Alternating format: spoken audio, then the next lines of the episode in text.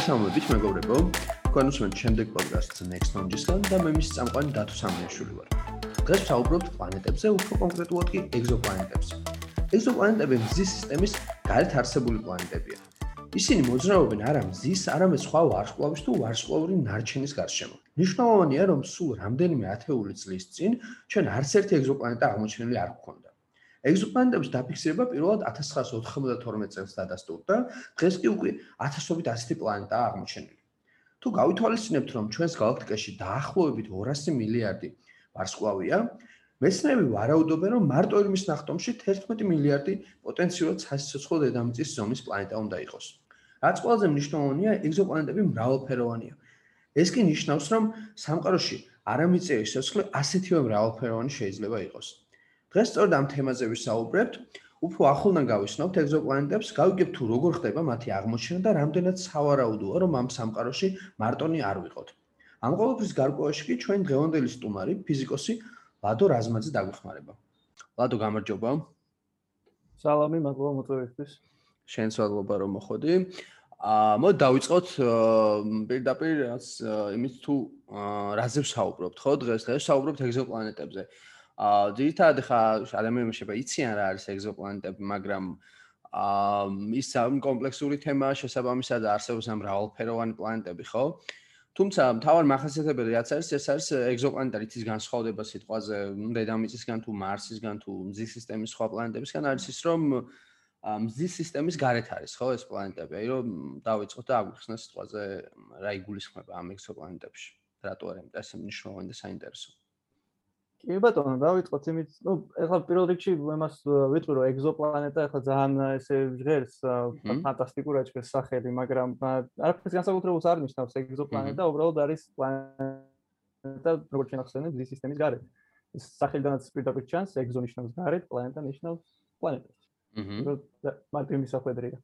და ერთის მხრივ ეს ეგზოპლანეტები პრინციპში არაფერით არ განსხვავდებიან ჩვენი ჩვენთვის ნაცნობი და საყვარელი მეზობელი პლანეტებისგან, აი ეგინდა ვენერა, მარსი, იუპიტერი, რომელიც აგიხარდება. აჰა. თუნდაც დედამიწა. მაგრამ მეორე მხრივ ამ უცხო მზის სისტემებში ვხვდებით პლანეტებს, რომელიც რომელიც ანალოგია არ გვაქვს ჩვენ მზის სისტემაში. მაგალითად, იუპიტერის ხელა პლანეტები ან ნეპტუნის ხელა პლანეტები, რომლებიც იმის მაგალითად რომ მზის სისტემის კიდეში იყვნენ, არიან ფაქტურად ჩახუტებულები თავის მზეს. აჰა. აჰა. ან ხდება პლანეტები, რომლებიც ბრუნავენ მკვდარი, ну, მკვდარ მაგას თუმცა გამარტო, მაგრამ აი, მკვდარი მზის გარშემო, ანუ მზის გარშემო, რომელიც მოგა ჩამქრალი, რომელიც აფეთქდა, ხო, დაასრულა თავისი და რაც კიდე ძალიან საინტერესოა არის პლანეტები, რომელსაც მოხეტიალ პლანეტებს ეძახიან, რომლებიც საერთოდ ვარსკვლავი არ ყავთ, ხო, რის გარშემო სიბრუნებდნენ და ესე მოხეტიავი პლანეტებს ეძახიან ამ და მრავალფეროვანია ამ ხრივ ეს პლანეტები. სულ ობოლ პლანეტებსაც ეძახიან, ისე სერვიანის სახელიცაა. ხო, ну ანუ იდეაში ის არის აი მსმენელმა რომელიც სიტყვაზე ზუსტად არ იცი და აქამდე რა არის ეს პლანეტები, მათ გასაგებად რო ვთქვა ერთი წინადებით რო შევაჭამოთ, ეს არის პლანეტები, რომლებიც არ არის ჩვენს მზის სისტემაში და არის ასე ვთქვა სხვა ვარსკვლავების გარშემო ბრუნავს თუ ზოგადად მოხეტიალე და ობოლი პლანეტაა, ხო? აა და რაც ყველაზე საინტერესოა ამ ხრივ, ხო? ანუ, როდესაც ადამიანები საუბრობთ ხოლმე, რომ ვარტონი, მარტონი ვართ თუ არა ამ უსასრულო სამყაროში, ესე ვთქვათ, პასუხი ამას შეიძლება იყოს გავიგოთ ისევ და ისევ ეგზოპლანეტებიდან, ხო? იმიტომ რომ თუ არის რაღაც ვარაუდები, რომ სიტყვაზე სადღაც სისტემაში რომელიღაცა მთვარეზე ან ასე შემდეგ შეიძლება მიკრობულდონეს რაღაც სიცოცხლე იყოს, ეს ფაქტია ვიცით რომ ჩვენს სისტემაში ცივილიზაცია არ არის ხო და რასაც ვერ ვიტყვით ეგზოპლანეტების შემთხვევაში იმიტომ რომ იმდენად დიდია სივრცე და იმდენად ბევრი ეგზოპლანეტაა რომ არაფერი არ არის ხო აქნა გამორიცხული. ეგზოპლანეტები ფაქტობრივად უფლებას გვაძლევს რომ ცოტა ფანტაზიას გასახანი მივცეთ იმიტომ რომ ჯერ მაინც მათ შესახებ ასე ბევრი მრამ არ ვიცით. ხო მან ყველაზე ჩვენს სისტემაში. კი მან ყველაზე საინტერესო კიდე ერთ-ერთი ის არის რომ ა თუ არ ვწდები 1992 წლამდე რეალურად ბოლომდე ეს დადასტურებულად არ იყო ხო აღმოჩენილი ეგზოპლანეტ ანუ სულ ცოტა ხნის წინ მოხდა პირველი ეგზოპლანეტის დაფიქსირება რაც იმას ნიშნავს და უკვე ამ სულ რაღაცა 30 წელში და 29 წელიწადში უკვე ათასობით ეგზოპლანეტა გვაქვს დაფიქსირებული რაც იმის იმედს გვაძლევს, რომ ტექნოლოგიების განვითარებასთან ერთად ფაქტია, რომ სულ უფრო და უფრო მეც ვიგებთ ამ ეგზოპლანეტებს და უფრო და უფრო მეც ვაფიქსირებთ, ხო? რა თქმა უნდა, რა თქმა უნდა, ძალიან აქტიური მიმდინარეობა ახლა ამ ეგზოპლანეტების ძიება. ზოგადად მართალია დაიწყო სულ 90-იანებში, მაშინ საქართველოს სხვა პრობლემები ჰქონდა, მაგრამ ხალხი ეძებდა პლანეტებს და მე სადღაც 2000-იანებში გაუშვეს კოსმოსური ტელესკოპები და მაგის მერე უკვე საერთოდ დაიწყო აფეთქდა ეს პლანეტების რაოდენობა, აღმოჩენილი ეგზოპლანეტების რაოდენობა.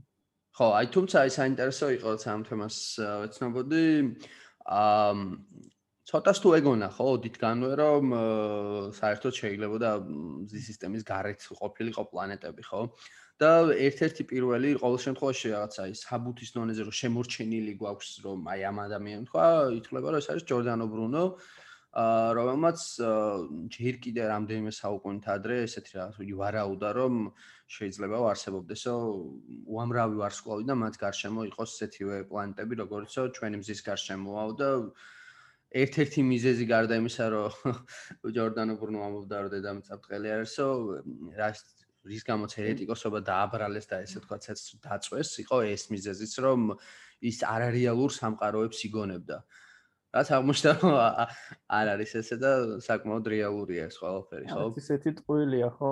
არა მართალია არ ვიცი რამდენად შეიძლება ითქვას რომ ანუ ივარაო და პლანეტების ეგზოპლანეტების არსებობაო მაგრამ მართალი ხარ ბრუნო პირველი იყო ვინც ამაზე ჩაფიქრდა და ამაზე წერდა. და ეს ის პერიოდია როცა ჯერ კიდე ჰელიოცენტრიზმი მიღებული არაა ჰელიოცენტრიზმი ანუ მოსაზრება რომ პლანეტები მოძრაობენ მზის გარშემო და არა დედამიწის გარშემო. ხო და პერიოდში ფიქრობ ხო ეგ ძალიან სნაურია კი რომ მაგ დროს უკვე ფიქრობდა მაგაზე. მაგრამ ესე უნდა აღინიშნოს რომ ანუ მას კი ღმა წამდა ამ ჰელიოცენტრიზმისაც და ამ პლანეტების არსებობისას მაგრამ ეს წამდა არის აქ საკვანძო კი სიტყვა.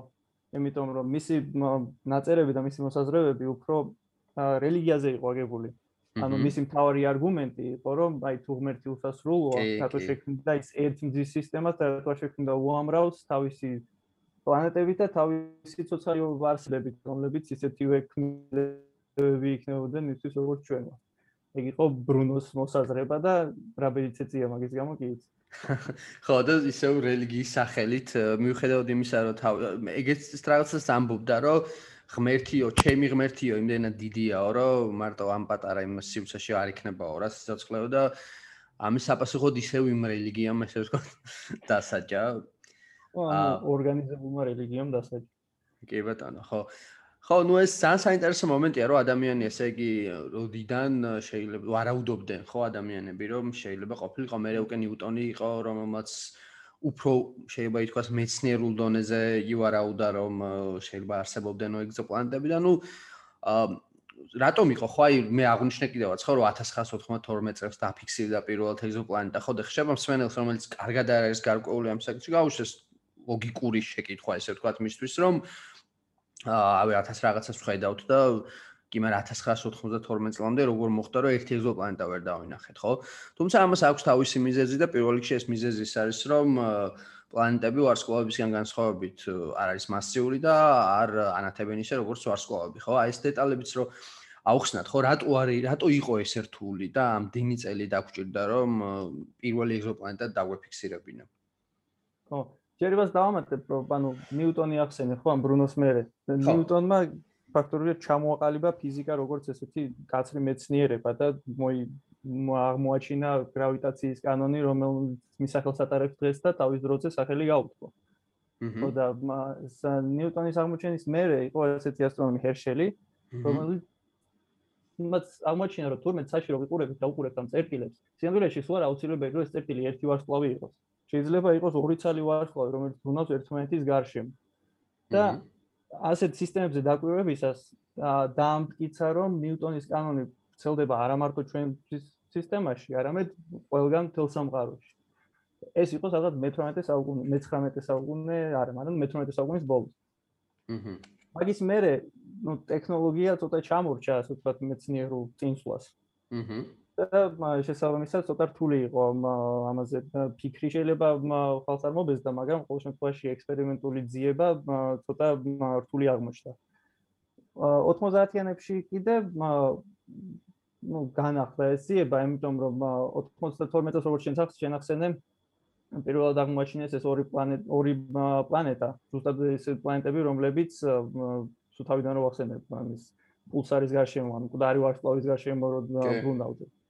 მაგრამ სამწუხაროდ მაინც უფრო ნაკლებადაა გაღიარებული, უფრო 95-ში აღმოჩენილი გაკეთებული აღმოჩენა არის უფრო მიღებული ესეთ პირველ ეგზოპლანეტის აღმოჩენად. იმიტომ რომ ეს ეგზოპლანეტა, ანუ ისეთ მზის სისტემაშია, როგორცაც ჩვენ ველით, ან ჩვეულებრივი მზი არის, რომელიც ჩვენ ჩვეულებრივი ვარსკვლავია, რომელიც ჩვენ ძეს გავს. და ეს ეგზოპლანეტა ამ ეგზოპლანეტის აღმოჩენაში აღმოჩენება მიიღეს ნობელის პრემია. ანუ დაჯილდოვდნენ თავიანთი ასე ვთქვათ სამუშაოსთვის. აჰა. საინტერესოა რომ ერთ-ერთი ასეთი ნობელის ლაურეატი დიდიე კელოზი ამ აღმოჩენის დროს იყო დოქტორანტი, სტუდენტი იყო. და თავის ფაქტურად სტუდენტურ ნაშრომში მიიღო ეს ეს არქი ამ ასეთი უზარმაზარი დამსახურება გამოიპოვა სამეცნიერო საზოგადოებისგან. და ახლა ამ აღმოჩენის მერე უკვე დაიწყო ძიება რომ მართლა იქნებ რომ ვეძებდით აქამდე ამ პლან რო ვათვალიერებდით აქამდე კატალოგებს რო ვადგენდით ამ ცისას. იქნებ რაღაცა გამოვრჩა ამ მონაცემებში და ხალხი ნელა დაუწყო დაიწყო მიუბრუნდა ძველ გამოთვლებს ძველ დაკვირვებებს. და უბრალოდ ეგრე აფეთქა აღმოჩენის მერე აღმოაჩინეს რამოდენიმე წელიწადში აღმოაჩინეს ასეულობით პლანეტა და უკვე 1000-ობით არის აღმოჩენილი. დღეს ხო, დღეს 5000 არის, რაც ვიცი, გარანტირებულად ვიცი. და რაღაც კიდევ ერთი 8000 თუ 7000, რომელიც კანდიდატია. აჰა. ამათ აღმოსაჩენად ну, ბევრ ხერხს იყენებენ. ყველაზე მარტივი აქედან არის დასახიან ტრანზიტი. აჰა. ტრანზიტი ახლა ალბათ გასაგებია, ხო, როცა პლანეტა ჩაივლის ვარსკვლავის წინ, ჩვენ შეგვიძლია ეს მოვლენა დავაფიქსიროთ. აჰა. პირდაპირ რა თქმა უნდა ამ პლანეტას ვერ დავინახავთ ძალიან შორსაა. ანუ წარმოიდგინეთ ლაზერი რო აიღო და მიანათო ნატურას მაგას ვერაფრით ვერ დაინახა ან რაღაცა კოღორო დაждდეს ნატურაზე უფრო კაი მაგალითი ხო. თული დასანახი ძალიან შორიდა მაგრამ ჩვენ თუ ზომავთ ამ პლანეტის მაგალითად გამოსხივებას და მის ინტენსივობას ვაკვირდებით. როცა მის წინ პლანეტა ჩაივლის ეს გამოს ეს გამოსხივება ეს ინტენსივობა დაეცემა. და იმის მიხედვით რამდენად დაეცა რამდენი ხანი დააგრძელდა ჩვენ შეგვიძლია არა მარტო აღმოვაჩინოთ ეს პლანეტაში, შეგვიძლია დანამდვილებით ვთქვათ ეს პლანეტის ზომა რა არის. აჰა. და თუ გავაგზავნებთ დაკვირვებას და დავალოდებით კიდე მეორეჯერ როცა ჩაივლის, მესამეჯერ როცა ჩაივლის, შეგვიძლია გავარკვიოთ ამ პლანეტის ეს ორბიტის ორბიტის პერიოდი რა არის. ანუ ფაქტურად შეგვიძლია გავიგოთ რამდენი არის რამდენი ხანი გრძელდება ერთი წელი ამ პლანეტაზე. აჰა. ხო, ანუ ეგ ხო, ხო, გისმენ. ხო და ანუ არა მაგალითად რო მინდა ვახსენო ძალიან საინტერესო ფაქტია რომ ეს პირველი ეგზოპლანეტა რაც აღმოაჩინეს აა მაგისი წელიწადი არის 4 დღე. აჰა. ხო. ანუ ნამდვილად ისეთი პლანეტა არის რომელსაც ჩვენ ძის სისტემაში ვერ შევხვდებით ხო ძალიან სწრაფად მოძრაობს ესე იგი თავისი ვარსკვლავის გარშემო.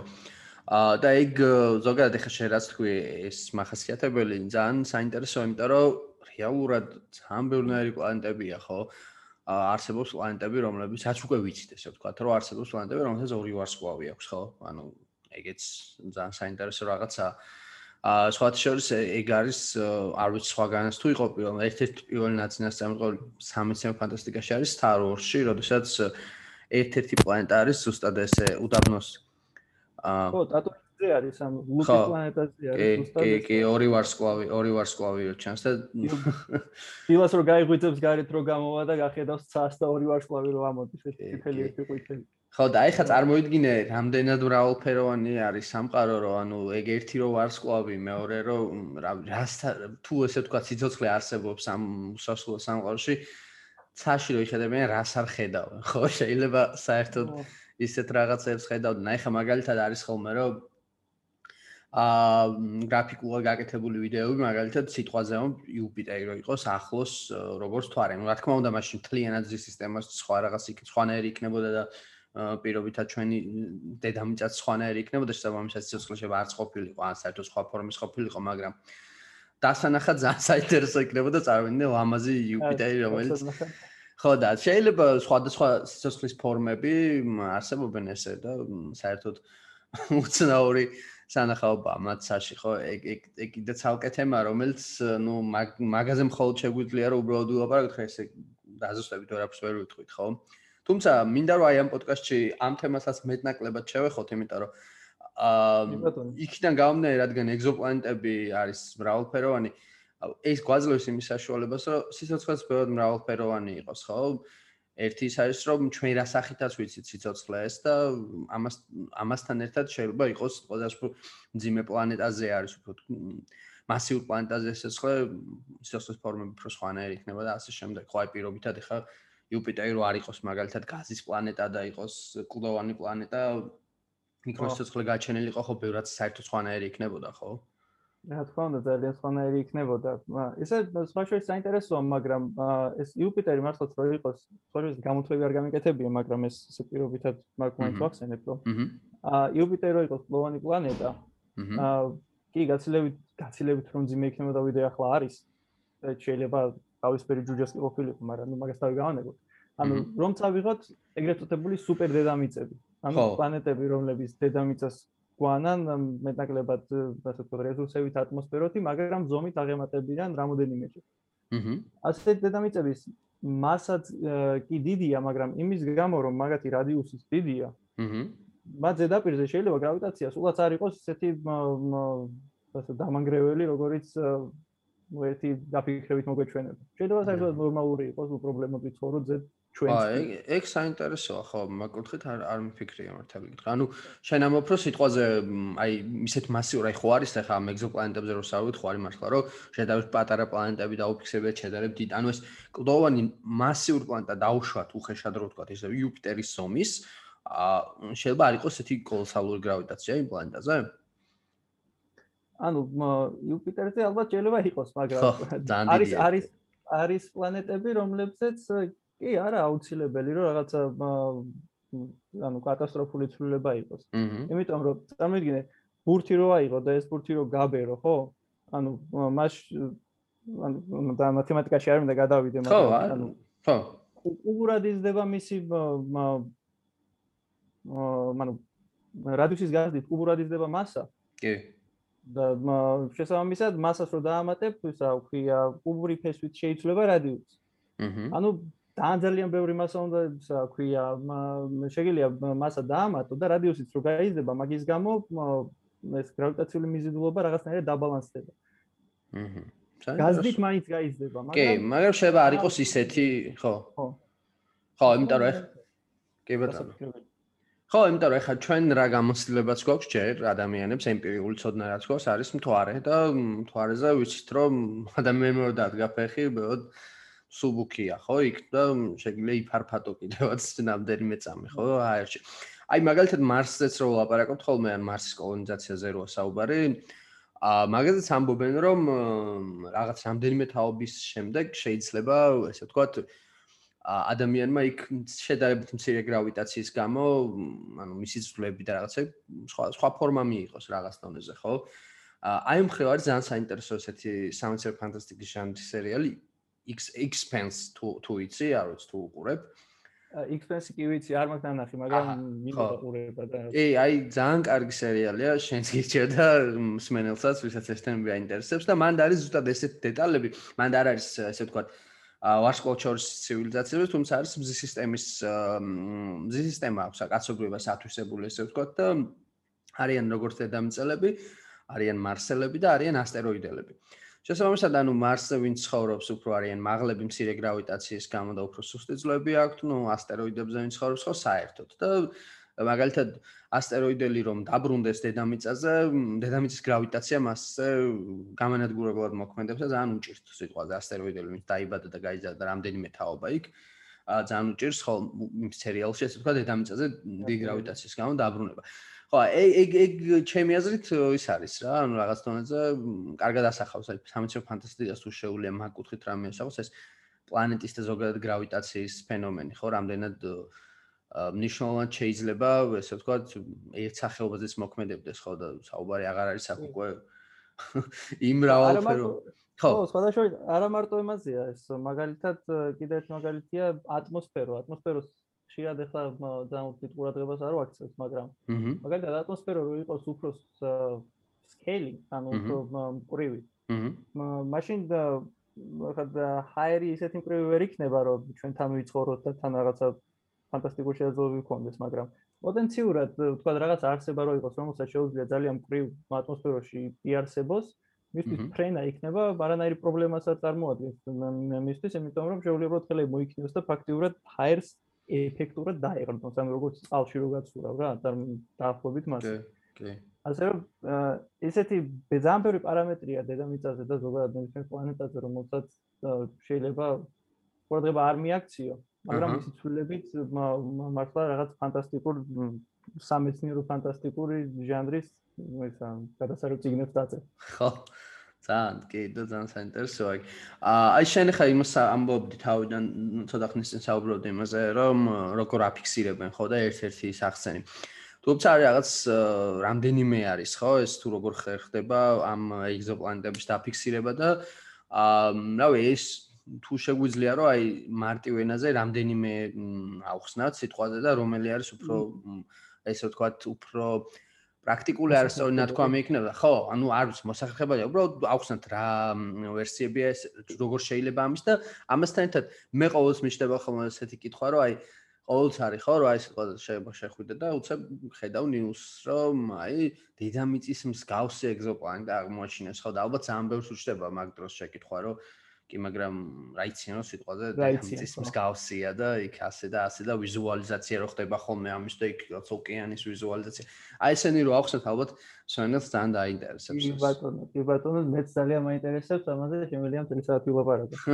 კი ბატონო ну ეს ტრანზიტი უკვე ვახსენე ხო და იდეაში ტრანზიტი ვახსენე იმიტომ რომ ყველაზე ანუ მარტივი გასაგებია ესეთი მაგრამ აუდროულად ყველაზე წარმატებული მეთოდი არის რა თქმა უნდა ტრანზიტით აღმოჩენილი არის მაგალითად 2000-მდე მეგაპლანეტა.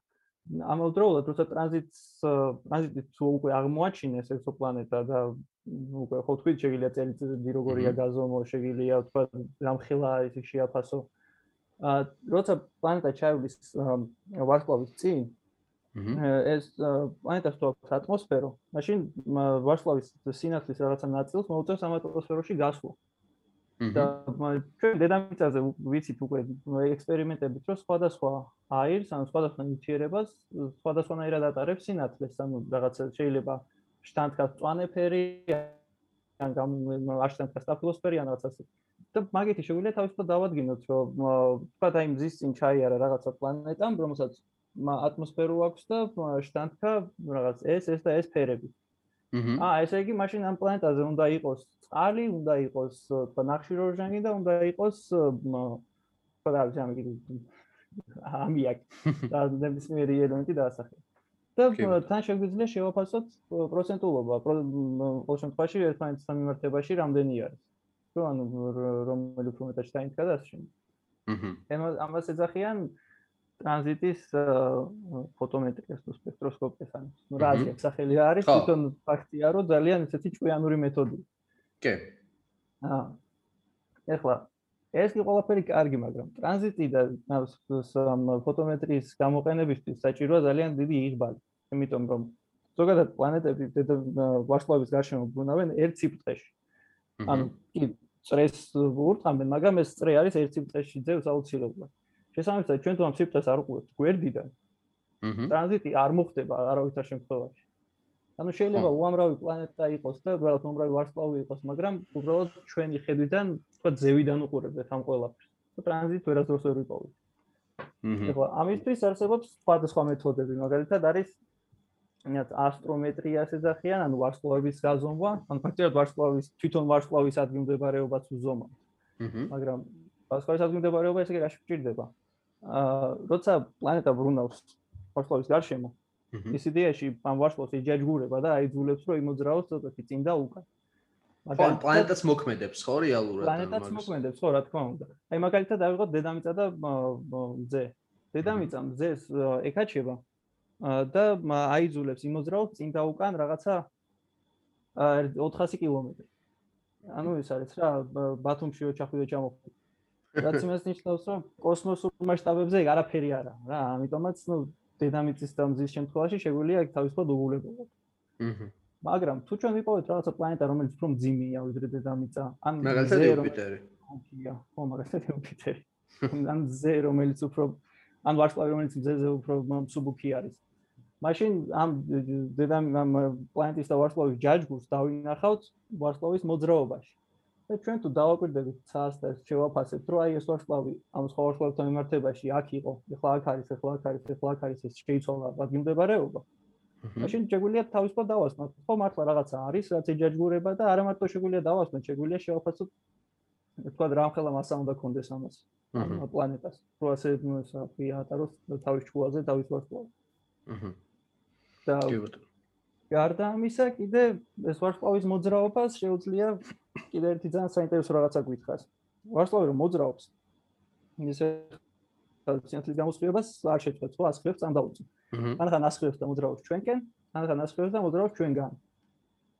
და ამ დროს თამაში შემოდის ეგრეთ წოდებული დოპლერის ეფექტი.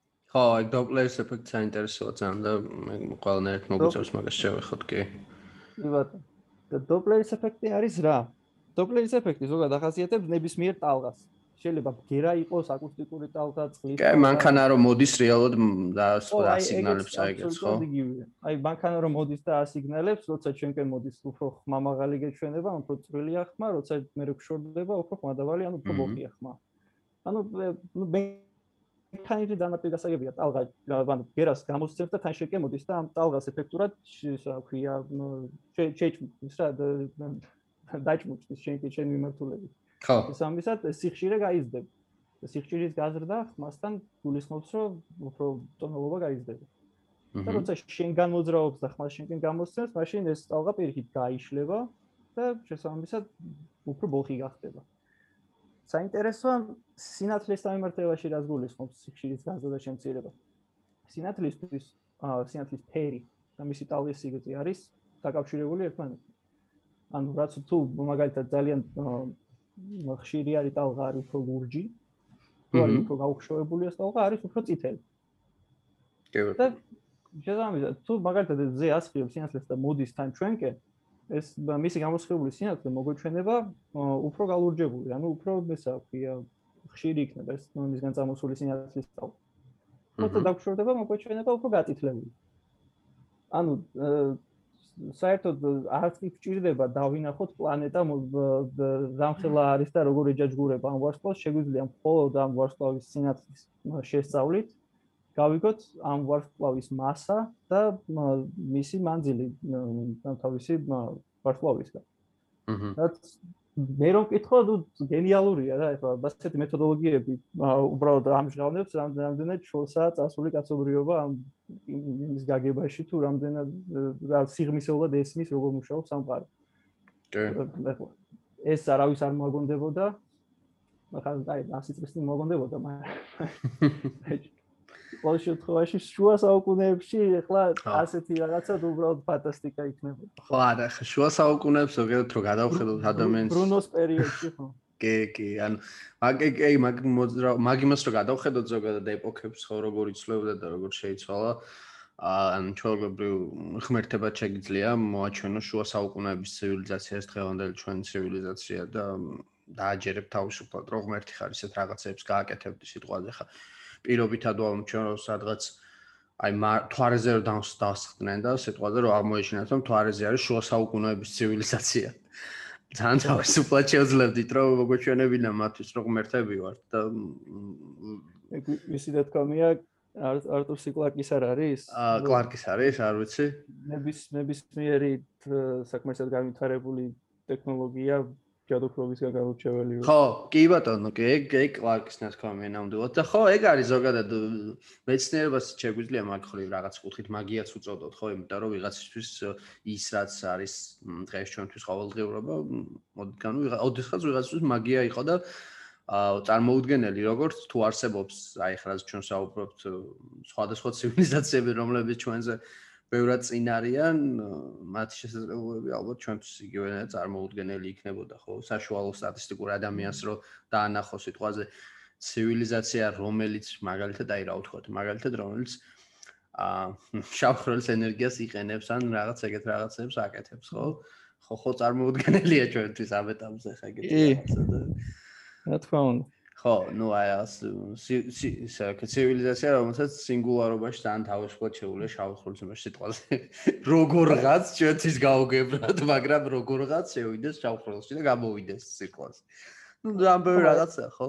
ხო. არის ეს საინტერესოა მაინც რომ აი ჩვენ ახლა ну кай ეგ ძალიან შორს დავედით მაგრამ თქვა ტექნოლოგია რო იყოს რაღაც ტექნოლოგიები შორეულ მომავალში თქვა 50-100 წლის წინ თქვა არსებობს ტექნოლოგიები რომელიც დღეს არ გაგვაჩნია მაგალითად შეგიძლია გონევით აკონტროლო კომპიუტერი ან რაღაცა არ გიდება ტელეფონი იმიტომ რომ შეგიძლია გაიფიქრო და ის მიხვდება შენ რაც ფიქრობ კი. ეს ტექნოლოგიები ჩვენთვის კი ძალიან გასაოცარი იქნება, მაგრამ თუმცა კონცეპტუალურად ხო ვიცით უკვე. კონცეპტუალურად ხო უკვე უკვე მისაღებია. ანუ არ ამგონია ვინმე შეიჭმოს მაგის იდეაზე, რომ ესა ვქია, ესე როგორ შეიძლება მაგის გაკეთება ეს ჯადოქრობა.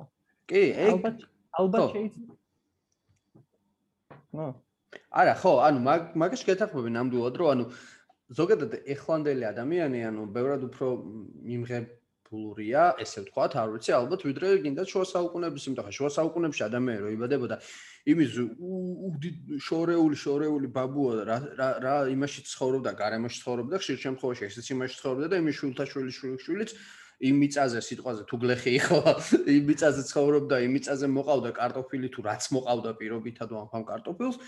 ეს იყო და ეს იყო მისი ცხოვრება და მისთვის ეს ძალიან ჩვეულებრივი რაღაცა იყო და ეხა ადამიანი იბადები და აი აგერ ჩვენი ხა ახლობით ერთ თაობა ვარ და რა ვიცი ანუ ხა მე მაგალითად რომ მახსოვს რა სამყაროში დავიბადე რა სამყაროში გავიზარდე და ეხა რაში ვცხოვრობ ანუ საერთოდ სხვადასხვა რაღაცაა და ძალიან დიდი იმედი მაქვს რომ კიდე ისეთ სამყაროში ვიცხოვრებ რომ უფრო და უფრო გაოცებული ვიყო ანუ ხო ამჯერად ტექნოლოგიურმა წინსვლამ უკვე გადაასწრო სამეცნიერო წინსვლას კი ხო ანუ და მიმღებლობაც გინდა არ გინდა რაც გინდა კონსერვატორი იყოს ადამიანი ეხა რაღაც დონეზე მაინც აქვს უკვე რომ იცი რომ სულ რაღაცა იცვლება და შესაბამისად სულ იცვლება და იცვლება. აა მეორე საკითხი ახლა რამდენად ჩვენ შეიძლება რაღაცები ვიცით, მაგრამ არის რაღაცები წარმოადგენს არ შეგვიძლია ახლა საერთოდ სხვაგან მივდივართ ჩვენ რეალურად, მაგრამ ხო არის ახლა ის მომენტი მაგალითად რომ რაღაცები რასაც დაშვების ზონაზეც ვერ ხვდებით მაგალითად რა შეიძლება იყოს ანუ რა ვთქვათ მაგალითად უსასრულობა ან საიდან შეიძლება გაჩენა არაფრისგან გაჩნდა სამყარო ხო ნუ ესენი შეიძლება ოდესღაც ვიღაცამ ახსნას მაგრამ ჩვენთვის ხო, ჩვენი ჩერშორეულია. ხო, რაღაცა კომპიუტერი ერორს აგდებს და ახლობით ეგეთი რაღაცა, ნუ. ხო, ეს კიდე მოკლედ ცალკე წაგვიყვანს თემას. აა, ჩვენ რადგან აი რადგან ეს ცივილიზაციები საუბრობთ, მე მგონი ჯობია რომ აი ხა კაკრას მაგაზე გადავიდეთ და საინტერესო იქნება აუხსნათ თვითონ რასაც ეძახიან ესე თქვი სიცოცხლის ზონას რა. ანუ ზი სისტემას ხო აქვს თავისი სიცოცხლის ზონა და სიტყვაზე არის დედამიწა მარსიც ითვლება რომ სიცოცხლის ზონაშია ხო? და ეს ვენერა ფოტოშორის ვენერა ვენერა და მარსი იდეებშია, მაგრამ მაინც? კი, თუ მიუხედავად ვენერას თავისი სისასტიკისა, ну აი ვიღაცას სიტყვაზე აი მართლა ეგ ძალიან საციო მომენტია, რომ ვიღაც რო გაკვირდებოდეს სიტყვაზე ვერ ხედავდეს რა ხდება ისეთივე ცივილიზაცია როგორც ჩვენ და შორეულად დააფიქსიროს. აა ესე ვთქვათ ეგზოპლანეტებს ეძახდეს ჩვენს მზის სისტემის პლანეტებს. იტყოდა რომ აი სიტყვაზე სამი პლანეტა არის იქ სიცოცხლისთვის სიცოცხლის ზონა საცოცხლო ზონაში ხო? ხო ხო და. აი ეგ კიდე ცალკე თემაა რომ ანუ როგორ საზღვრავთ ამას ანუ აა როგორ საზღვრავთ სიტყვაზე რომ აი ვიცით რომ არის ეგზოპლანეტა რომელიც სიცოცხლის ზონაშია. ვიცით პლანეტა რომელიც არ არის სიცოცხლის ზონაში მაგალითად იუპიტერი არ არის ხო ეხლა და. აი ეგეც რო ახსნათ საინტერესო ეგეც დაინტერესებს ჩემი აზრით კი ბატონო არა ეს არის მართალი ხა პრინციპში ეს სიცოცხლის ზონა როგორც უკვე ახსენე ვენერა და მარსი არის სიცოცხლის ზონაში მაგრამ ჩვენ ფეხეთ სიცოცხლის ზონა განიმარტება ძალიან მარტივად. სიცოცხლის ზონა არის მანძილი, ანუ რადიუსების ის რაღაც დიაპაზონი, რომელზეც შეიძლება იყოს ორბიტა პლანეტის და ამავდროულად ზედ არსებობდეს თხევადი წყალი. ანუ თუ ძალიან შორს გახვალ ეს წყალი, გაიყინება, თუ ძალიან ახლოს მიხვალ, ეს წყალი აორთქდება. აჰა. ახლა აა ეს სასიცოცხლო ზონა სასიცოცხლო იმიტომ ქვია, რომ ერთადერთი სიცოცხლის ფორმა, რასაც ვიცნობთ ამ ჩვენ. ჩვენ ხო. დედამიწა დედამიწაზე არსებული ეს ნახე ეგოცენტრულები ვართ აქაც კი ანუ. ანუ ეგოცენტრიზმი შეიძლება დააბრალო კი მაგრამ ერთადერთი ეს არის რა. ნუ ეგ ცოტნა გვაქვს კი ბატონო ფაქტობრივი ისა ხო რა თქმა უნდა რა თქმა უნდა. და ერთადერთი ნახშირბაზე დაფუძნებული სიცოცხლე ვიცით ჩვენ და ამას ჭირდება წყალი. ანუ გინდა წყლის დალევა გჭირდებოდეს, გინდა წყალში ცხოვრობდე, გინდა წყალი გჭირდებოდეს, რომ რაღაცანი ჭირებები უნდა დაშლი კონდეს რომ შემერი მოხმარება შეძლო, წყალი აუცილებელია. ახლა საიცოცხლო ზონაში ყოფნა სულ არ ნიშნავს სიცოცხლის ხელსაღრელ პირობებს, როგორც გვახსენეთ, ვენერაზე, ან მაგალითად მარსზე. მარსზე არ არის, ну, თხევადი წყალი ნამდვილად არ არის. მე მგონი გაყინულ ფორმაში არ ვიცი ინუან ფორმაში არის ხო ნუ მაგას ამბობენ რომ იდეაში არის კი ქვემოთ მიწის ქვეშ არის ანუ აღმოაჩინეს ხო არა ეს აღმოაჩინეს რა ქვია ნიუტრიენტები რომლებიც არის ანუ ჰიდრატაცია გავლილაც იმას ნიშნავს რომ არის კრისტალები რომელშიც წყლის მოლეკულებია და ეს რომ მომხდარიყო უნდა ყოფილიყო წყალი ძალიან დიდი რაოდენობით თავით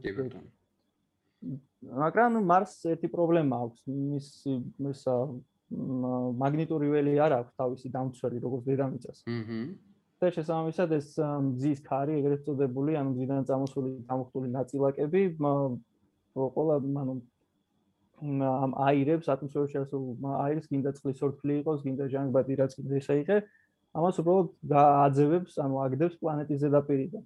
და ხო მაგის შედეგი ის არის რომ მარსის ატმოსფერო არის დედამიწის ატმოსფეროს 1% მე მგონი სიმკვრივე კი. ვენერა მეორე უკიდურესობა არის ხო. ვენერა არის აი გლობალური დათბობა რო ხელიდან გაგექცეს რა მოხდება ფაქტიურად მაგის ის არის რა პოსტერზე გააკეთე იმიტომ რომ ვენერას დაემართა რა იდეაში ჩვენ გონია ვარაუდობ მოდი თქვა არ ვიცი თანდულად ცოტნით არის მაგრამ ვარაუდობ რომ ვენერაზე იყო ოდესღაც წყალიც და იყო სასიცოცხლოდ კარგი პირობებიც. აჰა მაგრამ მე მზე ცოტა რომ დაბერდა ცოტა გაიზარდა უფრო და უფრო დაცხა ვენერაზე და ეს წყალი ნელა აღოთქვა. წყლის ორთქლი ძალიან კარგი ის არის, რა ქვია, თვოიზოლატორია, შესაბამისად, მზისგან წამოსული კიდევ უფრო მეტი სინათლე და კიდევ უფრო მეტი სითბო ჩაიჭირა ვენერა ამის გამო. მაგან გამოიწვია კიდევ უფრო მეტი ნიუტრიენტების აღოთქვა და ამოყრა ცაში უკვე ამჯერად უკვე მიწიდა. და ეს ფაქტიურად ციკლი ეს ციკლი ნუ ჩაიკეტა და დღესდღეობით ვენერაზე უფრო ცხელა, მიუხედავად იმისა, რომ უფრო შორს ამბისგან, ვიდრე მერკურიზე, რომელიც ყველაზე ახლო პლანეტაა ჩვენზესთან. ხო. ან და ვენერაზე კიდე ვენერა არის ფაქტობრივად ჯოჯოხეთის განსახიერება, იმიტომ რომ ზე ღრუბლები ვენერაზე არის გოგირდმჟავისგან შედგება. უბრალოდ ხო გოგირდმჟავისგან შედგება, გოგირდმჟავა წვიმს და რკინა მეტალები თოვს. ასე რომ ეს არის რა ქვია, სასიცოცხლო დამდვილად ესაფერისი არა. აი შუა საუკუნეებში რო ბერი მას ნახავდა გამოცხადებას ჯოჯოხეთზე შეიძლება ითქვას რომ ვენერას ნახულობდა. ანუ ზუსტად არა ვენერა კატასტროფული კატასტროფულ მდგომარეობაშია. კი და თუ არის ჯოჯოხეთი ყველაზე ახლოს ვენერაზე ჯოჯოხეთი შეიძლება ფილიალი პატარა. შეიძლება ითქვას. მაგრამ საინტერესო რა არის? ეს ერთი ის არის რომ სასიცოცხლო ეს habitable zone როგორც ინგლისურად ქვია. მას არ არის საკმარისი იმისთვის რომ ეს მართლაც სასიცოცხლოდ ხელსაყრელი იყოს პლანეტა. მაგრამ მეორე არის კიდე საინტერესო რომ არ არის საჭირო პლანეტა უცებად ამ სასიცოცხლო ზონაში იყოს, მასე თხევადი იმის ისა რა ქვია თხევადი წყლის არსებობისთვის რომ იმიტომ რომ ჩვენ რო ვამბობთ თევადი წალი იარსებებს, გულისხმობთ რომ მისი ვარშავის სითბო საკმარისი იქნება, რომ ეს გაათბოს, მაგრამ არა აადუყოს. აჰა. მაგრამ პლანეტა რომელსაც აქვს აქტიური გული, ანუ ეს გული უხურს, ასე რომ ვთქვა. მა მაშინ თავისუფლად შეუძლია ცენტრიდან გაათბოს, ანუ ზედაპირი კი იყოს გაყინული, ვთქვა, ზედაპირი იყოს დაფარული ყინულის სქელი ფენი. იქნება რაღაცა შუალედი, სადაც გექნება თხევადი წყალი. აჰა. და არა თუ თხევადი წყალი გექნება თბილი თხევადი წყალი, ცხელი ცხელი თხევადი წყალის და ნებისმიერ. მაგალითად ასე ვარაუდობენ, რომ შეიძლება იყოს რაღა ეგზოპლანეტებზე მივიდივართ, აქვე ვარაუდობენ, რომ შეიძლება იყოს სატურნის ან იუპიტერის ზოგიერთი მთვარეზე მასეთი სიტუაცია. კი. და სხვათაშორის სულ არა საჭირო რომ მართლა ეს გულში ეს მაგმა და რაღაცა ხურდეს, იმიტომ რომ მაგალითად იო არის ერთ-ერთი მთვარე იუპიტერის. კი. რომელიც რომელსაც აცხელებს არა არა მარტო თავისი შინაგანი შიქთავს, არამედ აცხელებს ეს ფაქტი, რომ იუპიტერის გრავიტაცია არის ძალიან ძლიერი და ამ იოს კუმშავს და წელავს, როცა ეს როცა იო მოძრაობს მის გარშემო. და პლასტელინი თუ როდეს მე გითამაშია ცივი პლასტელინი რო გაქვს, როგორ უნდა დაარბიო. უნდა აიღო და ხელში ეს აქ ერთი ორჯერ ის ხარა. დაზიო. დაზიო. ზუსტად მასე ცხელდება, მაგრამ იო ცხელდება მაგ მექანიზმი. ან ასე რომ მექანიზმები შეიძლება არსებობდეს, მაგრამ შესაძლოა ჩვენ საერთოდ არ ვიცით. და გვაძლევდეს აძლევდეს სიოცხლეს არსებობის საშუალებას, მაგრამ ეს საერთოდ ზონა მაინც მიღებული არის, მიჩნეულია, რომ არის ყველაზე კარგი აჰა. საძიებო და კოსმოსში დაუწევ დეგმოს რა იოებს. თუ იცი აი დაახლოებით რამდენი აი 5000 ვახსენეთ ხო და ადასტურებული რამდენი პლანეტა ითვლება სიტყვაზე ამ სასწავლო ზონაში თუ იცი შენ შემთხვევით დაახლოებით თუ რამდენი პლანეტა სასწავლო ზონაში არის მე მგონი რაღაც ასეულ რამდენიმე ასეულ ხო მეც ეგრე ვიცი სადღაც ეგრეა ხო და ეხლა ეს კიდე ანუ აი ხა ისე იმსმენის გასაგონად ვიტყოდი ესე ვთქვათ ვინც ამ კონკრეტულ საკითხში ნაკლებად არის ჩახედული იმ ხრივ რომ აი ეს ერთია რომ 5000 პლანეტაა დაფიქსირებული და მეორეა ხო საერთოდ თავად აა როგორ ვთქვათ ანუ საშუალოდ რომ ვიცით ანუ როგორც მეცნიერები არაუდობენ არის რომ ერთ ვარსკვლავზე მოკლედ მოდისო ერთი პლანეტა მაინცო რა და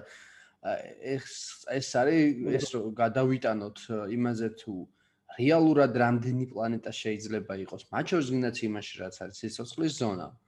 რომ ავდივართ ალბათ მარტო ჩვენს მზის სისტემ მზის სისტემა რა შუაშია და galaktikაში მილიონობით ესე ვთქვათ პლანეტაზე რომელსაც აქვს პოტენციალი და აქვს შანსი ეს ჩვენი გაგებით რომ სიცოცხლე იყოს. ეს ერთი ხო?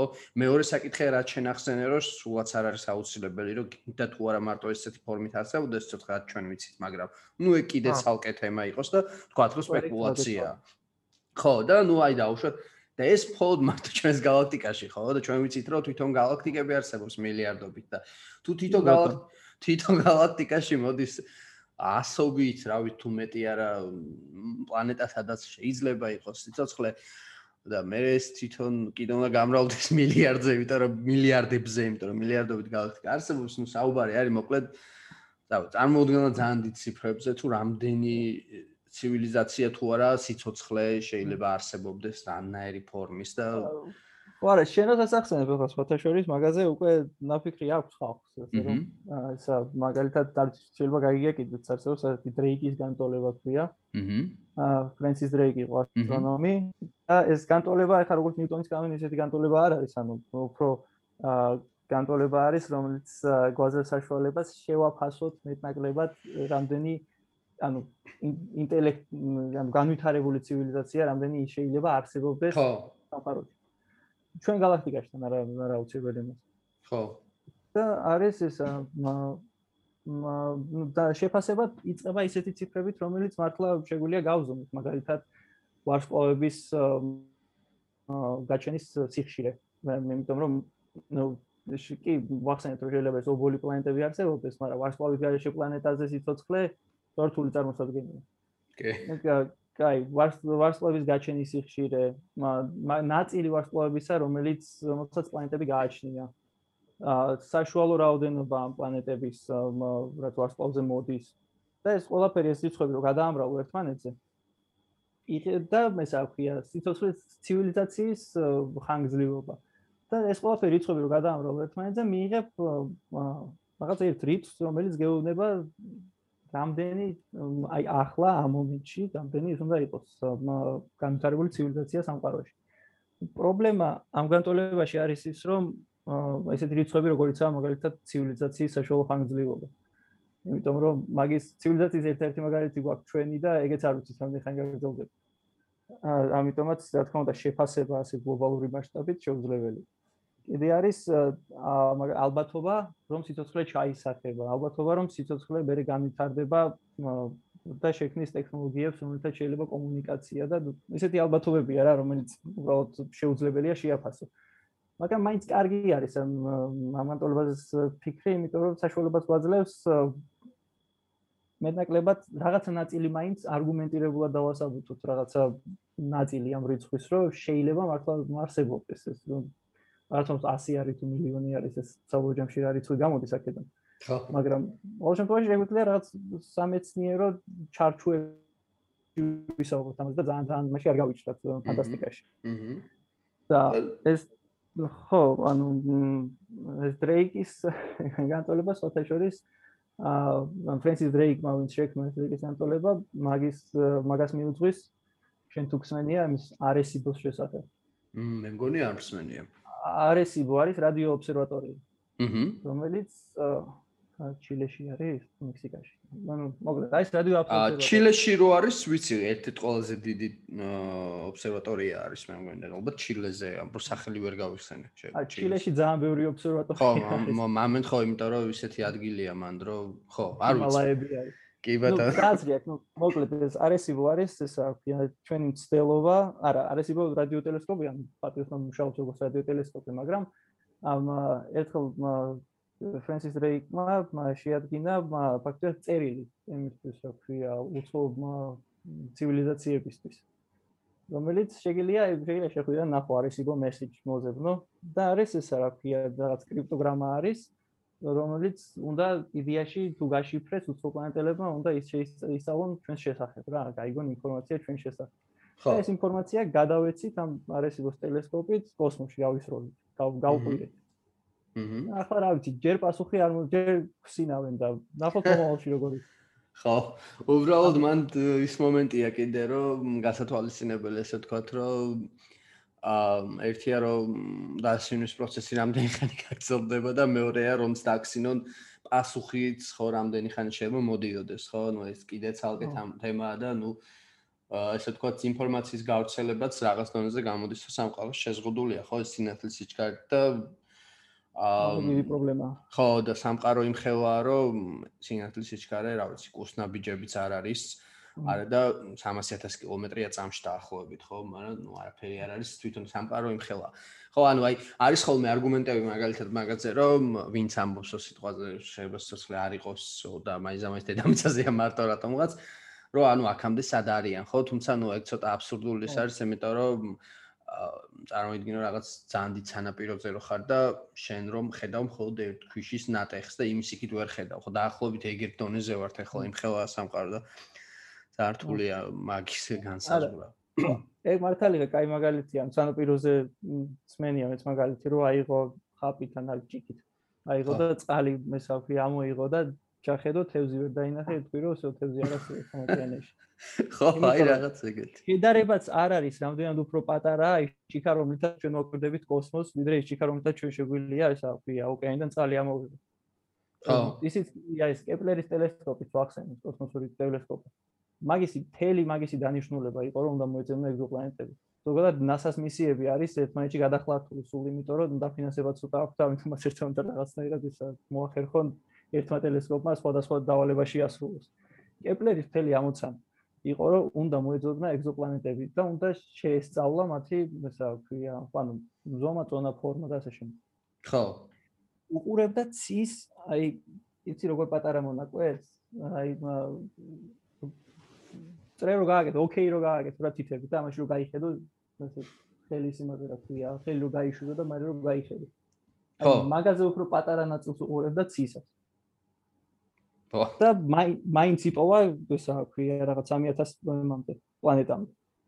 ხა წარმოგიდგენია რომ ცოტა იქ-აქაც რომ მიმოეხედა რა შეიძლება და ეკონა. ანუ ჩვენ მართლა ჩვენი საძიებო არეალი არის ძალიან ძალიან მცირე. და ნუ ნავის მომავალში როგორ წავა წარმოგენა არ მაქვს. იმედია ნელ-ნელა ტექნოლოგიები დაეწევა, ტექნოლოგიები პირიქით მეცნიერება დაეწევა ტექნოლოგიებს, იმიტომ რომ ეხლა მობილურებს და იმას შესაძლებლობებიც აქვს. აი მასე შესაძლებლობა არ ქონდა აპოლოს პროგრამას, რომელმაც ადამიანი ფარეზე გაუშვი.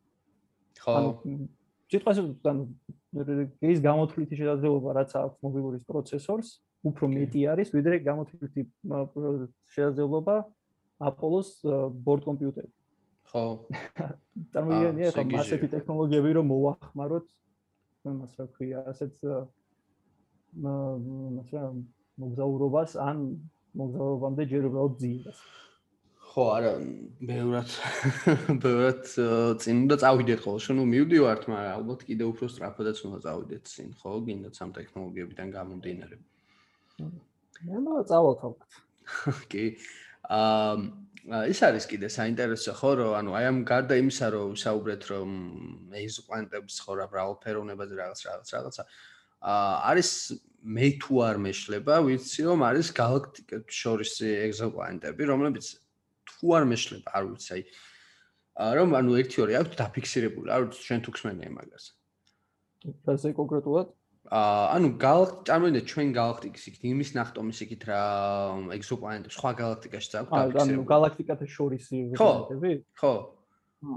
აი მე არ ვიცოდი ეგ, არ ვიცოდი ეგ და ამ თემას რემოშებოდი, სადღაც ამომიგდო ესეთი სტატიაში იყო იქით რაღაც ნახსენები და გამიკვირდა, არ ვიცოდი თუ. და შორის ზუსტად არ ვიცი არის თუ არა უკეთოდ აღმოჩენილი ვიცი რომ არის ამდენიმე ანუ მოსაზრება რომ შეიძლება იყოს galaktikata შორისი პლანეტა. ანუ galaktikata შორისი თუ არის პლანეტა, დიდი ალბათობით ეს არის ხო, ობოლი არის. უმზეოა. აა, არა, იცი რას ვამბობ? ანუ გულისხმობ სხვა galaktikაში რომ დააფიქსირონ პლანეტა, რომ დააფიქსირონ, თორე რა თქმა უნდა იქნება ეს. მაგას ვამბობ, რომ ანუ აი მაგაზე მე ვამბობდი მე ვამბობდი galaktikებს შორის რო იმ არა ხო ეგ არ ვიცი ეგ არ ვიცი ხო ეგ არ ვიცი საწყალი მაგრამ ეგ არ ვიცი არა galaktikაში რო დააკვირდნენ პლანეტას ხო წარმოიდგინე სხვა galaktikაში მეორე ანდრომედას galaktikაში პირობითად რო აფიქსირებ. აი ძალიან საინტერესო არის ხო აი არ არას არ მოგატყუებ ნამდვილად არ ვიცი. ხო და აი როგორ იყო იცი რომ აი დღეს წავაწყდი მაგას ზუსტად და ვეღარც მოვასწარი კარგად გამოძიება ამ ინფორმაციის და ესე ვთქვათ აა ზუსტად არ ვიცი რომ ანუ რამდენად ესე იგი ეს სიმართლე რომ და რაღაც ერთ-ერთ ავტორიტეტულ მასზე ვიყავი წყალზე რაღაც ვკითხულობდი და მან ამომიგდო უცებ ერთ ნახსენები იყო რომ აი ეძებენო galaktikებს შორის პლანეტებს რა ან სხვა galaktikაზე თუ დაუფიქსირებიათო და ხო და ნუ რა ვიცი უცნაურია აი ეს საინტერესო არ ვიცი რამდენად მაგრამ აი ანდრომედას galaktika რო ავიღოთ მაგალითად ხო ყველაზე ახლო არის ჩვენთან ანუ იდეაში ჩვენ ხარ რაც ვლაპარაკეთ პლანეტებზე იმაზე ამაზე. ეს ყველაფერი არის იმაში ირმის ნაფთაში არის ჩვენ galaktikaში ხო ერთ galaktikaზეა საუბარი. ეს უკვე საკმარისად დიდი სიუცი არის და ასაძიები მაგრამ რო აიხედო საში ალბათ ხაშავარღები თვალით ვერ დაინახო მაგრამ ნუ აი სამოყვარულოზე ცოტა უფრო ერთი ორი დონით მაღალი ტელესკოპი თუ გაქვს შეგიძლია დაინახო ანდრომედა. ანდრომედა მეეკუთვნება ეგრეთ წოდებულ მესიეს ობიექტებს. მესია იყო ფრანგი ასტრონომი, რომელიც ესა ქვია კომეტები აინტერესებდა, კომეტებს სწავლობდა. და ესა ქვია ამის გამო შეადგინა კატალოგი ყველაფრისა, რაც არ არის კომეტა. რაც იცოდა რომ ნამდვილად არის კომეტა. იმიტომ რომ სულ ეჩეხებოდა, საერთოდ და ყველაზე ნათელი წერტილები რაც იყო, იმებს ესა ქვია უყურებდა. და ერთ-ერთი ერთ-ერთი ეს ნათელი წერტილი იყო ანდრომედას galaktika, მაგარი M31. აჰა. და და მესიეს კატალოგში თუ შედის ციურის ხეული. მაშინ მისი დაკვირვება აა ეს არის რა, პრინციპში შესაძლებელია დედამიწიდან მოყვარული ასტრონომის. აჰა. ამიტომაც მართლაც რაღაც იდეას რომ შეიძლება იქნებ მართლაც რაღაცნაირად მოსახერხებადი მოხერხებადი იყოს უკვე პროფესიონალი ასტრონომებისთვის რომ ანდრომედაზე მესმოდა ხია ასტრონომები რომელიც ვარსკვლავთან პლანეტა დაინახონ მაგრამ რაღაც მაინც ძალიან ისეთ გრანდიოზულ ჩელენჯა და გამოწვევად მიჩვენება ხო ნამდვილი იქნება კიდე ხო ასმაგად უფრო რთული რთული საქმეა. აა ხო, არის მე მგონი შეგვიძლია იმისკენ წავიდეთ, შეჯამებისკენ თუ დასასრულისკენ. აა და ის რა საინტერესო არის მაგალითად ახლა ახსენეთ ხო, კეპლერი, იგივე კეპლერის სახელობის მე ტელესკოპი იყო ხო, რომელიც ესე ვთქვათ ნადირობდა ხო ამ პლანეტებზე და ძალიან დიდი წვლილი მიუძღვის მას. აა აა ნუ გვაქვს კიდე ჰაბლი რომელიც სულ ცოტა ხნის სხვა შორის გათშული იყო და ძლივს მოასულიერეს და რა ვიცი ორი დღის წინ ჩარტეს მის თავარ კომპიუტერი ისევ და ამბლი დაბერდა და არის ცუდები. მაგრა დაბერდა ხო. და ნუ ასე თქვა ჰაბლის ჩამნაცვლებელი და უფრო ახალგაზრდა და ჯანიანი და რომ უსამბობენ რომ ბევრად უფრო მძლავრი არის ჯეიმს ვების ტელესკოპი რომელიც ძალიან დიდი ხანია უნდა გაეშვას, გაეშვას და ვერ გაეშვა. აი მე ვები არ გამახსენე, კაცო, მაგას უკვე თვალურაც აღარ ვადევნებ ხელშეუდი და. კი და ანუ აი კი ზუსტად კიდე გადადეს, კორონას გამო გადადეს, მე დაი ჩაინიშნა ცოტა ხნის წინ და კიდე გადადეს და მოკლედ ბოლოს იყო რომ არჩევ მოკლედო წელსო არ ავწდებითო 2021 წელსო და ну, რა ვიცი, ფაქტია რომ hub-ს მნიშვნელობა ჭირდება, იმიტომ რომ კომპიუტერი ეთიშება და როგორც მინიმუმ hub-ი უკვე ეს არის. hub-ი კაც 90-იანში გაუშვით, ანუ და მისი ის არა ქვია, ზუსტად ყველაზე კარგი მაგალითია იმის, რასაც ვამბობ, ტექნოლოგია ისე შორს წავიდა hub-ის გაშვების მერე. ანუ იმის შორს წავიდა, რომ უბრალოდ მიწაზე არსებული ტელესკოპებიც კი ჯობია hub-ზე. შეიძლება ძალიან ჯობიაზე არა, მაგრამ რაღაც სპეციფიურ და ამოწმე. ხო, რაღაც ხო, სპეციფიურ დონეზე შეიძლება. ჯეიმს ვებს თუ აღირსეს და გაუშვეს კოსმოსში. მაშინ ეს ქვია ჰაბლისგან განსხვავებით. ანუ ექნება ორი წელისა განსხვავება. ჰაბლი არის დედამიწის ორბიტაზე, დედამიწის გარშემო ტრიალებს და ესე არის კოსმოსში. ჯეიმს ვები უნდა გაუშვან ეგრეთ წოდებულ L2 წერტილში, ანუ თვარის და დედამიწის სისტემაში არის ხუთი წერტილი, L1-დან L5-მდე. ლაგრანჟის წერტილები ქვია. და მაგ წერტილებში მოთავსებულ სხეულს, სხეულზე ძალა არ მოქმედებს. ანუ ყველა ძალა, გრავიტაცია დედამიწისგან, თვარისგან და ეს მოძრაობიდან ცენტრიდან მოძრაობები ბათილდება. აჰა. და ესე რა ქვია, ეს სხეული პროდიჩი იქნება გაჩერებული ამ ადგილას. ესეც L2 არის წერტილი, ესა ქვია, თვარის უკან. აჰა. ასე რომ ესე რა ქვია დაშვების მერე დასვენ ეულ წერტილში და მერე იქიდან უნდა შეასრულოს თავისი მოვალეობები. აჰა. ამიტომაც თან თან პატიო რა ამდენჯერ რო გადადეს ამ გეიმსების გაშვება, იმიტომ რომ კარგად უნდა დარწმუნდნენ 100%-ით რომ ყველაფერი გამართულა და ჰაბლი არ ვიცი თუ არა, მაგრამ გაუშვეს პირველად ავიდა კოსმოსში და ეს აღმოჩნდა რომ ლინზა კონტა, ეს რა ქვია, ცოტა ხარვეზიანი. და მე ავიდნენ იმით შატრით და შეაკეთეს. კი. ჯეიმს ვებს რა მეჭirdეს. მუნდა ესა ქვია, თვარეზე მისია გააგზავნო ჯერ და მე თვარედან ესა ქვია, ვები ვებზე გადახვიდე. უფრო დიდი პასუხისგებლობა გამოდის. ხო, ასე რომ ვებზე კიდე ჯანდავა, საერთოდ იყოს და დარწმუნდნენ რომ ყველაფერი გამართულად იმუშავებს. მაგრამ გამართულად როცა იმუშავებს, ეს ვები იქნება ჰაბლის განსხვავებით უფრო ინფრაწითელი და წითელი სინათლეებით, ну, ცოტა ნარინჯისფერით. სინათლეების რა ქვია შემგროვებელი.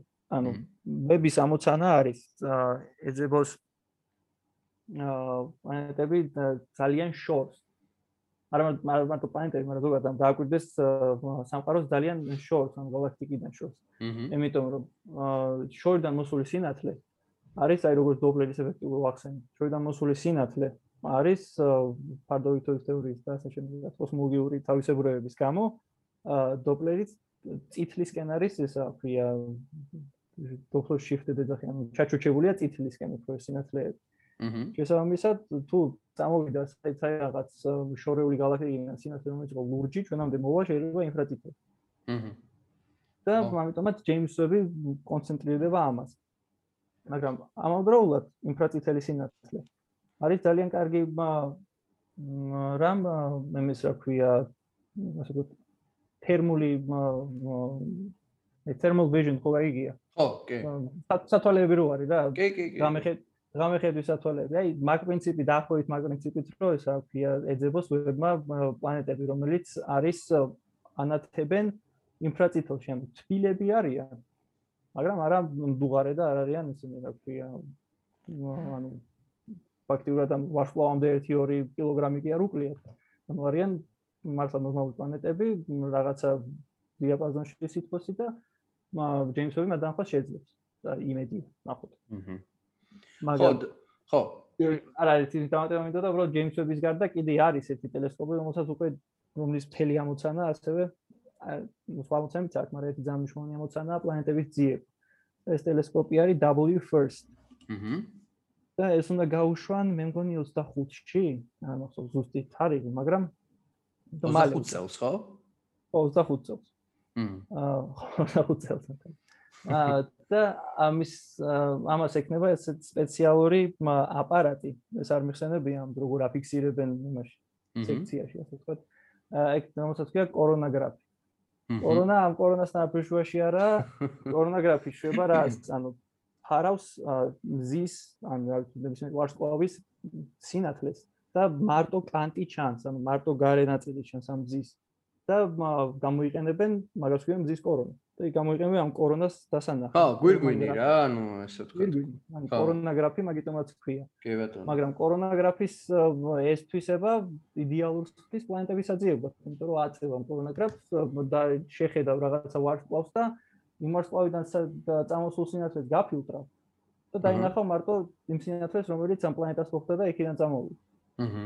ანუ ეს W1-ის ის აქვს გაცილებით უფრო დიდი იმედები შეგიძლია დაამყარო ამ W1-ზე პლანეტების ძიების მხრივ. ანუ მისი ამოცანა ფაქტურად პლანეტების პირდაპირ დაფიქსირება და შეხედოს პლანეტებს. აა როგორ წავალნახოთ? ხო. ხო აი იდეაში შეკითხვის დასმა მინდოდა და ნაწილობრივ არა 80%-ს შენ წინასწარ უპასუხე შეიძლება ითქვას. ხო ანუ აი ეგ მაინტერესებდა დასასრულისკენ რომ რა პოტენციალი გვაქვს და აი რას უნდა ველოდეთ ახლო მომავალში გინდაც იმ პერსპექტივით რას შეიძლება ჩვენ თაობა მოესწროს ან რაღაც ეგეთი რომ რამდენად შეიძლება წინ წავიდეს ეს ეგზოპლანეტების შესწავლა და რა არის ის რაც მაგალითად ხა ძალიან გვჭირდება და ამ წამს არ გვაქვს სიტყვაზე რა რას ჩვენ ვაკეთებთ აი თუ არ ეგეთი რაღაცები არ შეგვიძლია აღნიშნოთ კიდე გარდა იმისა რაც თქვი ხა შენ მაგრამ W first-ი ერთ-ერთი მაგალითია იმისი, რასაც საერთოდ მიდის ეს პლანეტების კვლევის მიმდინარეობა. აჰა. ყოველ შემთხვევაში ერთი ნაწილი რაც მიდის. ვცდილობთ პლანეტები დავინახოთ პირდაპირ, ანუ მასე აღმოაჩინეთ ყველა პლანეტა ჩვენ მზის სისტემაში. გარდა ნეპტუნის, ხო, ხაშურის ნეპტუნი აღმოაჩინეთ მათემატიკის და მერე დავადასტურეთ დაკვირვებით. აჰა.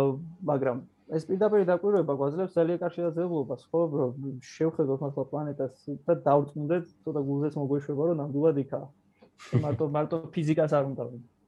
და მაგმართულებით მიდის ძალიან ბევრი რაღაცა, W first-ი უნდა იყოს მასეთი, კიდევ უნდა გააკეთონ პოტენციური, ეს არის ოქრო პროექტი არის ეგრეთწოდებული Star Shade, ანუ ვარსკვლავური ჭრდილი.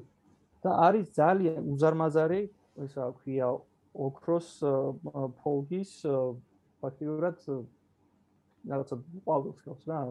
და ეს ყვავილი დაკეცილ ფორმაში გაეშვება კოსმოსში ტელესკოპთან ერთად.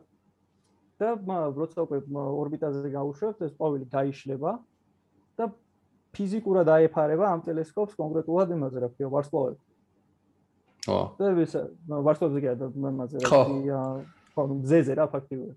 ხო. და რაც ანუ მზის სინათლეს ამ და დაბლოკავს და გაცილებით უფრო ხილული გახდება ეს ისე ვთქვია ღამის ცა. აჰა. ეს ერთი პროექტი არის რომელზეც ჯერ დაფინანსება არ არსებობს მაგისტრის, მაგრამ რა ვიცი, მიჩვიტი.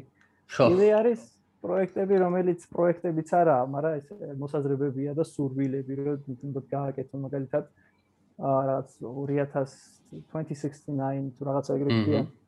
არის იდეა რომ გავაკეთოთ ზის აფრის მქონე კოსმოსური ხომალდი რომელიც დავა ჩვენთვის ყველაზე ახლო პლანეტაზე რომელიც იმყოფება ალფა კენტავრის თანავარსკვლავედში გვერდითა მზის გვერდითა ვარსკვლავის სისტემაში ხო? მეზობელი ვარსკვლავის სისტემაში. ის რა დამთხევაა რომ ჩვენი ყველაზე ახლო ვარსკვლავი რაცა აჰა ჯერ დამცნაური სისტემა სამი ვარსკვლავისგან შედგება. ხო. ორი ვარსკვლავი ბრუნავს ერთმანეთის გარშემო მესამე ბრუნავს მათ გარშემო და ამ მესამე ვარსკვლავის გარშემო ბრუნავს პროქსიმა B ვარსკვლავი პლანეტა. და ეს პლანეტა არის ამ თავისი ვარსკვლავის სასიცოცხლო ზონაში. აჰა. ასე რომ, რა ვიცი, მაგ შესაძლებლობის ხელიდან გაშვება არ არის რა, მაინც უნდა ვცადოთ მაინც, ისა მაგ მისვლა. მართალია დაშორება არის 4 თუ 5 4 ნახევარი თქვა, ნათლის წელიწადი. რაც რეალურად ძალიან ბევრია. ნუ სამყაროს დონეზე ცოტაა, მაგრამ ჩვენთვის ძალიან ბევრია. არა და კატასტროფულად ბევრი. მაგრამ პოტენციურად ეს მზის აფრას აქვს შესაძლებლობა რომ თავიდან კი ნელა დაიწყებს, მაგრამ კოსმოსში არაფერი ხელს არ შეუშვებს. ხო. ამიტომაც თუ ეს მზის ქარი ააჩქარებს და ააჩქარებს მალე არა, მაგრამ ყოველ შემთხვევაში ოდესღაც ჩავა. ჩვენ რაღაცა კაცობრიობა გადაშენებული არ იქნება, მოდი ასე. ხო, გლობალურმა დათქობამ თუ არ დაასრულა მანამდე. ო ვენერა თუ არ გადაგვაქცია, მაშინ მაშინ ნახო. ძალიან სასაცილო იქნება თუ ვიღაცები გაუშვით და რომ ბრუნდებიან, რომ გითხრან, რომ კიო, მან და სიცოცხლეაო და რომ აღარაფერი რო აღარ არის. რაღაცა აი მე აღარ მახსოვს, რაღაც ფილმიც არის სხვათა შორის მაგაზე თუ სერიალი, ცოტა ხნის წინ იყო რაღაც, ვეღარ ვიხსენებ რა ერქვა. ზუსტად ეგეთი რაღაცა იყო, რომ სიცოცხლის საძებნელო აა მე მგონი დამახსენე ჯორჯ კუნი თამაშობს ახალი ფილმი რაღაც სახელი აღარ მახსოვს ამ სხვა ფილმის აი ჯორჯ კუნი რო დასერჩოთ მოკლედ მისი ბოლო ფილმია თუ არ ვწდები აა ვიცი ვიცი ვიცი რომელსაც ალბათ სახელი არ ვთქვი ხო აი სახელი არ მახსოვს დიდი არაფერი ფილმი არ არის მაგრამ მოკლედ ეგ მომენტია ზუსტად რომ სადღაც მიდიან რომ ისკნან რა ქვია სიცოცხლის ნახავენ და ესენი ბრუნდება უკან ხომალდი ანუ აქ უკვე აღარაფერი აღარ არის დარჩენილი მოკლედ ვინც გადარჩა ყველა აა მიწის ქვეშ არის რაღაც იმეებში ჩასული და ნუ იმათაც დიდი ხანს ცოცხლე არ უწერიათ და ერთადერთი ჯორჯ კლუნი არის დარჩენილი პლანეტაზე იმასთან რა ქვია. და ელოდება, როდის დაბრუნდება მისი შვილი თუ მოკლედ იქ ცალკე დრამებია რა. მაგრამ ყოველ შემთხვევაში ფილმი ისი ფილმია თუ არა. ო, ხო, რო იქ არ შვილს ელოდება და რაღაც თელი ამბები, მაგრამ იდეა ის არის, რომ გაგრას უახლოეს მზის სისტემასთან, უახლოეს სისტემასთან უშვებენ იმათ და ისინი უკან ბრუნდებიან, რომ ჩამოიტანენ პროცესო. კიო, კიო, იქაც ცოცხლეო.